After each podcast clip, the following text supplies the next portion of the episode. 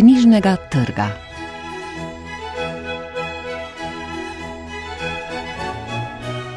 Pozdravljeni spet v novem letu. Naj bo polno lepih presenečenj, kot si jih ne bi mogli zamisliti niti v sanjah, kot je naslov knjige pesmi Primoža Čučnika. Poleg te so na naši mizi še tri knjige o odnosih in osebnem razglabljanju: roman Marije Švajcer Iskanje ljubezni, autobiografska proza Mihe Macinija Osebno in premišljevanja Iva Svetine Smisel rože.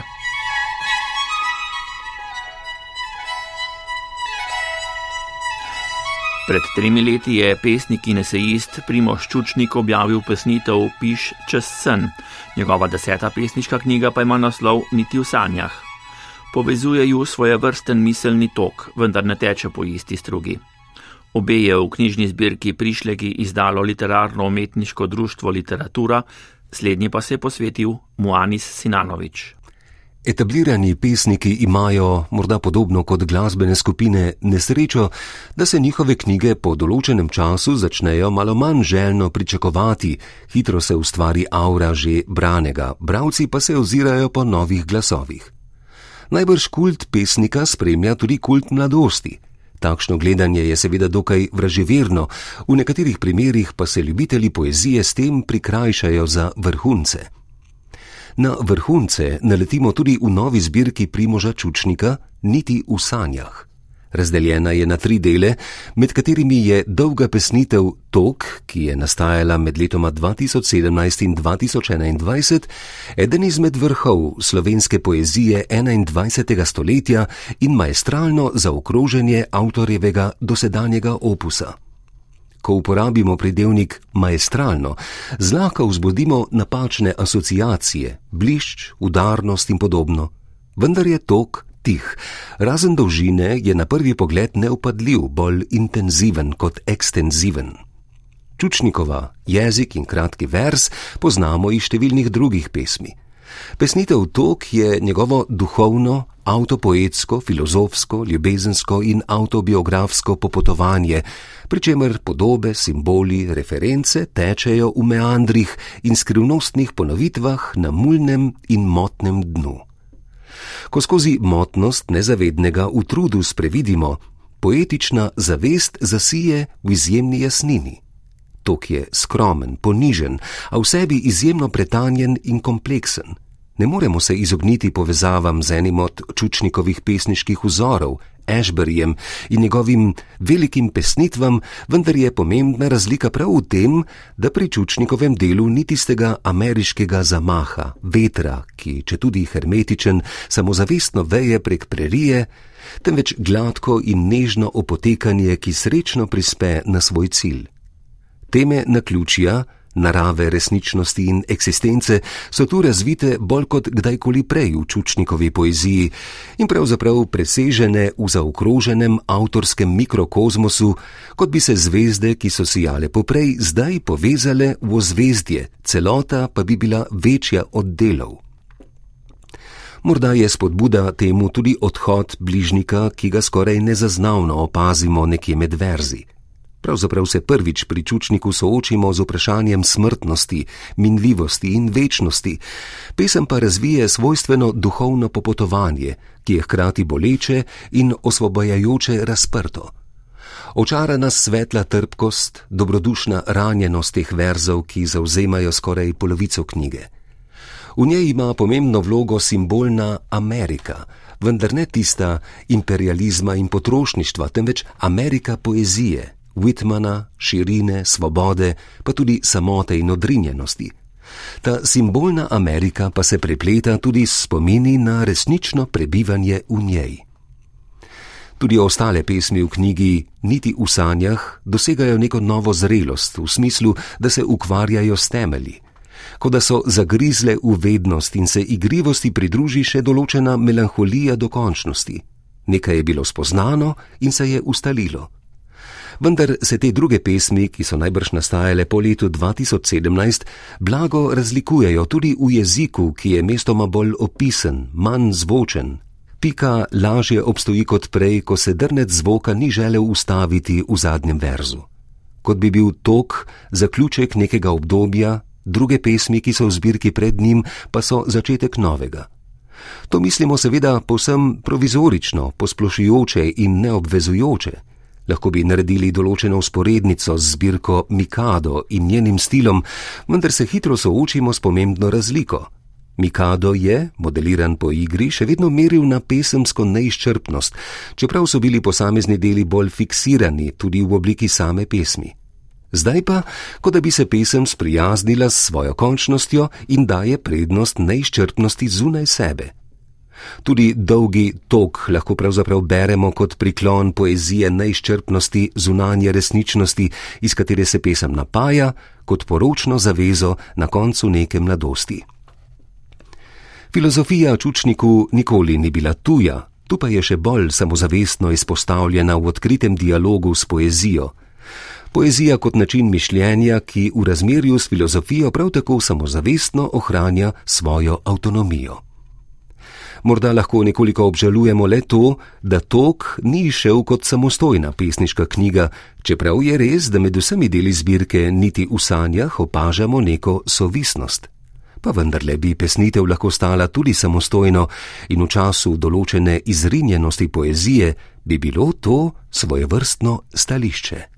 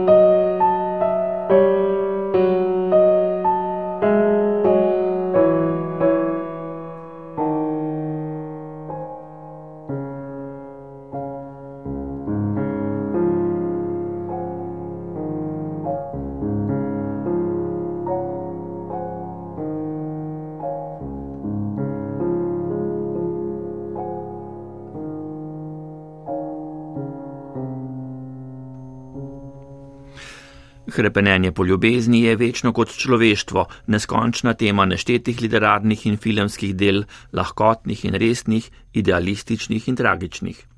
Roman Marije Švajcer Iskanje ljubezni ponuja širok pogled na njo v številnih odtenkih in različnih oblikah. Izdal ga je kulturni center Maribor, prebrala pa Tonja Jelen. Pesnica, pisateljica, pravličarka, literarna kritičarka, esejistka in filozofinja Marija Švajcer je v romanu Iskanje ljubezni prikazala vse tisto, kar lahko spremljamo v njeni poeziji in esejih. To je predvsem poanta, da je vredno upati in verjeti v dobro. Analitično-sintetična pripoved z liričnimi vnosi mozaično prikazuje celostno sliko protagonistke. To sicer ni klasičen ljubezenski roman, ki bi žanrsko zapletal ljubezen s poraženci in zmagovalcema. Je mnogo več, je temeljit razmislek, filozofska razprava o ljubezni z veliko humorja in rahle ironije. Delo prikazuje ljubezen v različnih odtenkih, postavlja vprašanja o ljubezni sami in kaže, da je ljubezen oziroma neljubezen lahko podstat vsemu. A Marija Švajcer svoje junakinje, kljub vsem njenim drobnim zapletom in zmagam, nikoli ne idealizira.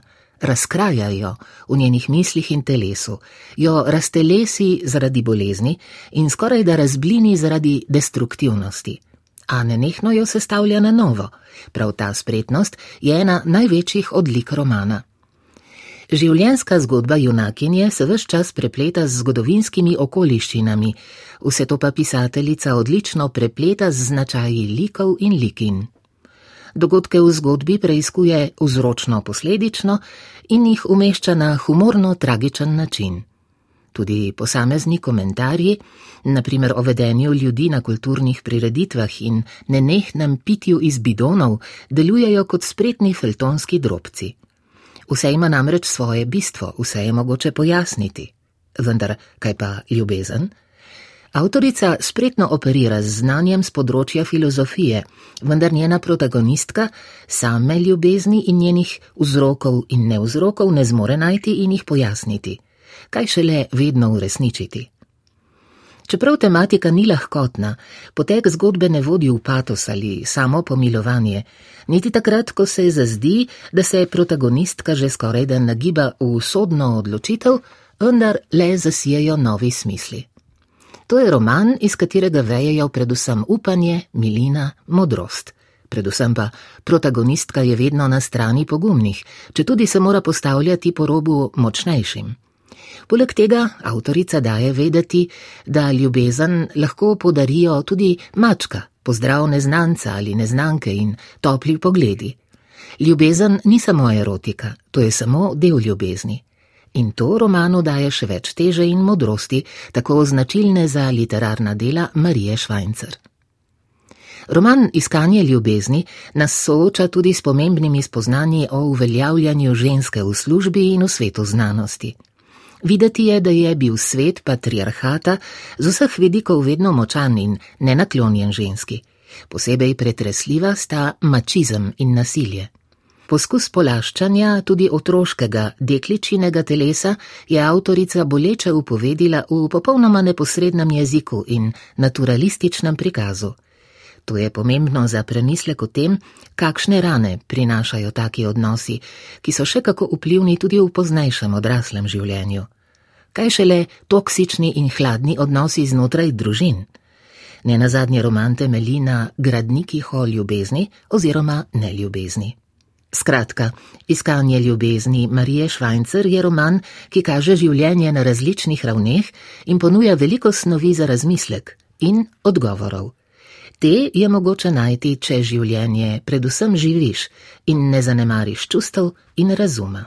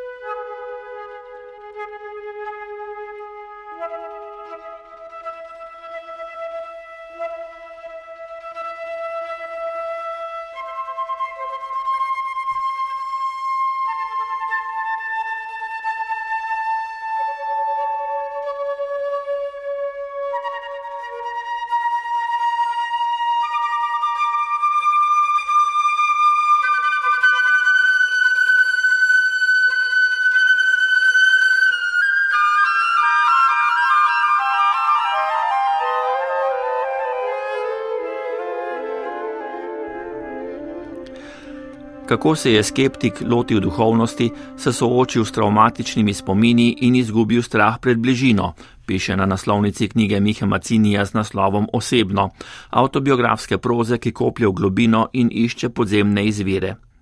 Knjigo je izdala založba Goga, ocenjujejo Aljaš Krivec.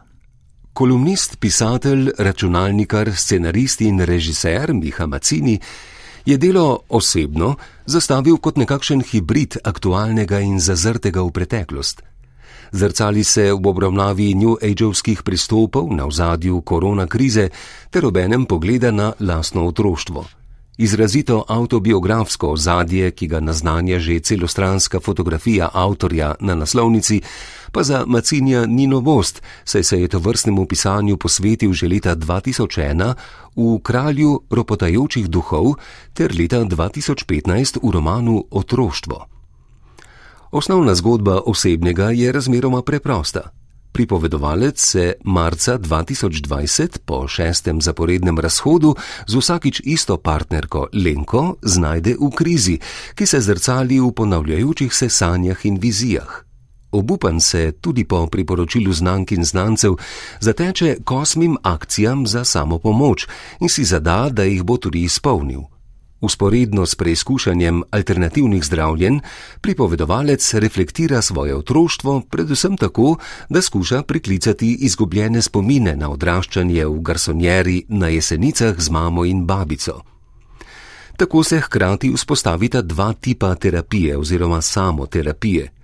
Poskus osmih alternativnih zdravljen je sprejet z dvomi in naposled so tudi rezultati bolj medled narave, medtem ko je drugi pristop, ki ga je še najlažje razumeti preprosto kot spominjanje, iskanje vzrokov za določene dogodke in vedenje, ter naposled sestavljanje zaključene zgodbe o samem sebi, bliže nekaterim psihoanalitičnim osnovam, vsaj v razsežnosti raziskovanja lastne psihološke preteklosti a kljub nekaterim pozitivnim premikom se zdi, da tudi to vrstni pristop ni celovita rešitev, saj smo preprosto obsojeni in obsojene na vzorce, ki jih poznamo.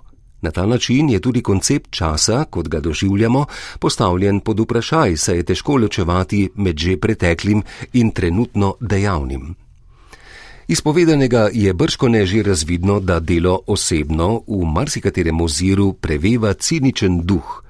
Če ta po eni strani služi poudarjanju poante, da preproste, a na vide sjajne prakse pač ne delujejo, se po drugi strani zdi, da gre za pristop, ki nekako zaustavlja literarno raziskovanje določenih fenomenov. Seveda nam ni treba zagovarjati hoje po žerjavici, šamanstva ali poglabljanja v morebitna prejšnja življenja, da nas lahko zmoti, če poglabljanje vanja spremlja skepsa, ki je ni mogoče preseči, s čimer tudi kritični pretres predmeta preučevanja postane otežen, če ne kar nemogoč. Tudi sicer se zdi, da so šipkejše plati knjige skrite na mestih, ki jih narekuje prehitro sklepanje zaključkov. Omeniti velja že razdelitev na zelo kratka podpoglavja, ki včasih obsegajo po nekaj vrstic, zelo redko pa presežejo več kot nekaj strani. Za ta podpoglavja, ki so sicer ujeta v enajst krovnih poglavi, je značilno preskakovanje med različnimi pripovednimi linijami, ki se s časoma zgradijo v kompleksnejše zgodbe, a majhni odmerki zgodbe, ki vendarle nastopajo delno tudi kot zaključena kratka besedila, pogosto nakazujejo nezaseden prostor, v katerem pogrešamo kakšen korak dlje, dodatno refleksijo in predvsem nekaj več globinskega upogleda. V tem oziru je morda pomenljivo, da se pripovedovalec večkrat sklicuje na to ali ono znanstveno študijo, ki naj podpre kakšno poanto pripovedi, a nas na teh mestih praviloma zapelje le do končne sodbe, medtem ko kontekstov, nasprotnih primerov in okoliščin, v katerih so izjave nastale, ne razgrne, s tem pa uide še ena priložnost za nekaj več poglobljenosti in ne nazadnje specifičnosti opažen. Tem zadržkom na vkljub je Macini opravil pomembno nalogo refleksije in popisa človekovega duha, soočenega s travmo in pogojno rečeno odvisnega od lastne preteklosti, ki predstavlja jedro naše osebnosti in ki vedno znova tako ali drugače priplava na površje. Postopno obujanje spominov na zabrisano, bolečo preteklost in samorefleksija avtodestruktivnih dejanj, ki jih je bolj ali manj mogoče pripisati zatekanju v znano, pa naj si bo to še tako škodljivo za nas in druge, sta popisani na jasen in reflektiran način, s čimer bravstvu omogočata poistovetenje in jasnost razumevanja nekaterih navadno teže dostopnih razsežnosti človeške psihologije. Tudi tokrat se Macini ne umika od morda najbolj stalnih značilnosti njegove kolumnistike, privlačnega, sproščenega izraza, ki se izogiba umetelnosti in humorja. In prav narava kolumnistike se zdi nekoliko sorodna knjigi pred nami. Osebno je delo z izrazito autobiografskim ozadjem, hkrati pa gre za skupek močno poantiranih krajših besedil, ki se sicer stkejo v daljšo zgodbo, vendar do konca ohranjajo tudi vtis rahle epizodičnosti. Pri tem bi morda veljalo odpreti vprašanje, ali imamo opravka z romanom ali morda s čim drugim.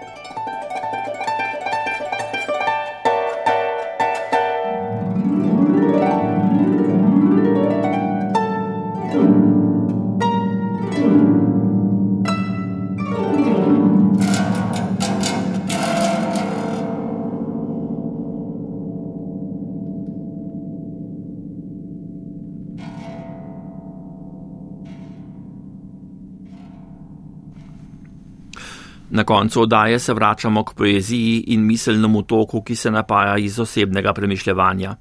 Po več kot 30 pesniških zbirkah in tudi esejev o poeziji, pesnik in dramatik Ivo Svetina v knjigi Smisel rože razmišlja o poeziji z distanco in piše svoj obračun s pesniškim ustvarjanjem. Knjigo je izdala Cankareva založba, o njej piše Ana Henkok. Smisel rože je autobiografija, ki pa se zaveda svoje literarne narave. To je še posebej očitno v poglavjih imenovanih komentar, v katerih Ivo Svetina secira svoje preteklo literarno ustvarjanje, bolj natančno mladostno ljubezensko poezijo s hvalevredno samokritičnostjo. Če povzamemo za avtorjem, ne gre za knjigo spominov, temveč za interpretacijo, ki je vedno tudi mistifikacija vendar pa se zdi, da med pripovedovalcem in avtorjem ni razkoraka. Naslovna roža predstavlja življenje, sicer polno lepote, a krhko in efemerno kot cvetlica. Kar najbolj ustrezna prispodoba negotovega, radostnega, čudovitega življenja, ki ga lahko upihne že nekoliko močnejši veter. Smisel rože je tako precej očitno smisel življenja. Edino, za kar se sprva zdi, da kljubuje minljivosti, je literarno ustvarjanje, bolj natančno poezija. Poezija, ki bi ubesedila bistvo življenja, bi postala ne le neminljiv ekvivalent življenja, temveč zaradi svoje dolgoživosti temu tudi nadrejena. Glavni lik se tu znajde pred vsaj dvojno nezmožnostjo ne le pred nezmožnostjo ubesediti v meri, kot si je zamislil, pred razmikom med predstavljanim in uresničenim, temveč tudi, da s tem početjem zamuja tisto, kar je želel ovekovečiti. To pa so predvsem romantični odnosi ali kakor svetina povzema za Šalamonom, da je pisanje pesmi, takrat ko žena spi in bi moral biti ob njej, znamenje vrhunske sebičnosti a tudi odnosi z ljudmi so že vnaprej zapisani minljivosti. Ženske so, čeprav jim poleg poezije velja osrednje zanimanje, zreducirane na seksualni objekt in zunanjo lepoto. Jezik je slikovit in nazoren, poudarek je na občutanju trenutka, kakor se kaže subjektu. Besedišče je razkošno, številnimi redkimi in arhajičnimi besedami. Avtor se večkrat sklicuje na eminence slovenske literarne misli in klasike svetovne literature. Odlomki iz njegovih del so posejani skozi vas roman, povedi so razvejane z mnogimi podredi. Slog je večinoma privzdignjen, vendar dosledna nazornost vodi tudi v skoraj da naturalistične opise manj nežnih dogodkov, kar v delo vnaša nekoliko surovosti še zlasti poetični in doživeti pa so opisi narave, vedut, delov dneva in daljnih obmorskih mest, kraja, kjer se hrepenenje še najbolj približa potešitvi. Posebna pozornost je namenjena barvam in svetlobi ter občutkom, ki ga te vzbujajo v subjektu.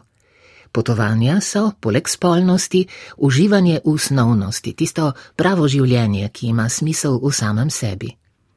Tesnoba, ki se poraja iz zavedanja, da minljivosti naposled ni mogoče ubežati, obseda glavni lik, verjetno svetino samega, in predstavlja edino stalnico življenja.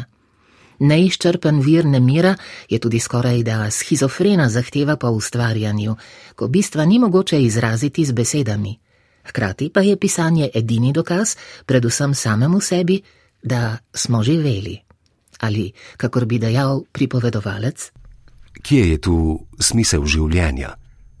Moje bistvo se ne izraža ne z besedami, ne z mislijo. Mar ni bilo dovolj, da sem življenje živel, da sem srečal več ljudi, kot se je nabralo bralcev mojih knjig? Pisati o sebi pomeni, da ne verjamem, da sem sploh živel, če ne pustim sledov. Smisel rože je neke vrste razvojni roman, kjer je odnos do literature osrednjega pomena. Prek poskusa ubeseditve neubesedljivega literature kot terapije, spomenika življenju, do sprijaznjanja, da je literatura sama sebi namen ali, kakor proti koncu romana ugotavlja pripovedovalec. To nikakor ni zdravilo, to so nabrekle, patetične besede. A odpoved poeziji, tako kot odpoved alkoholu, nikakor ni lahka in nepovratna.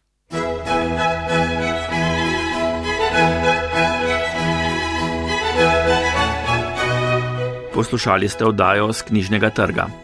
Recenzije Moanisa Sinanoviča, Tonje Jelen, Aljaža Krivca in Ane Henkok sta prebrala Igor Velše in Jasna Rodošek. Glasbo je izbrala Alma Kužel, oddajo je posnel Vojko Kokot, uredil sem jo Vlado Motnikar.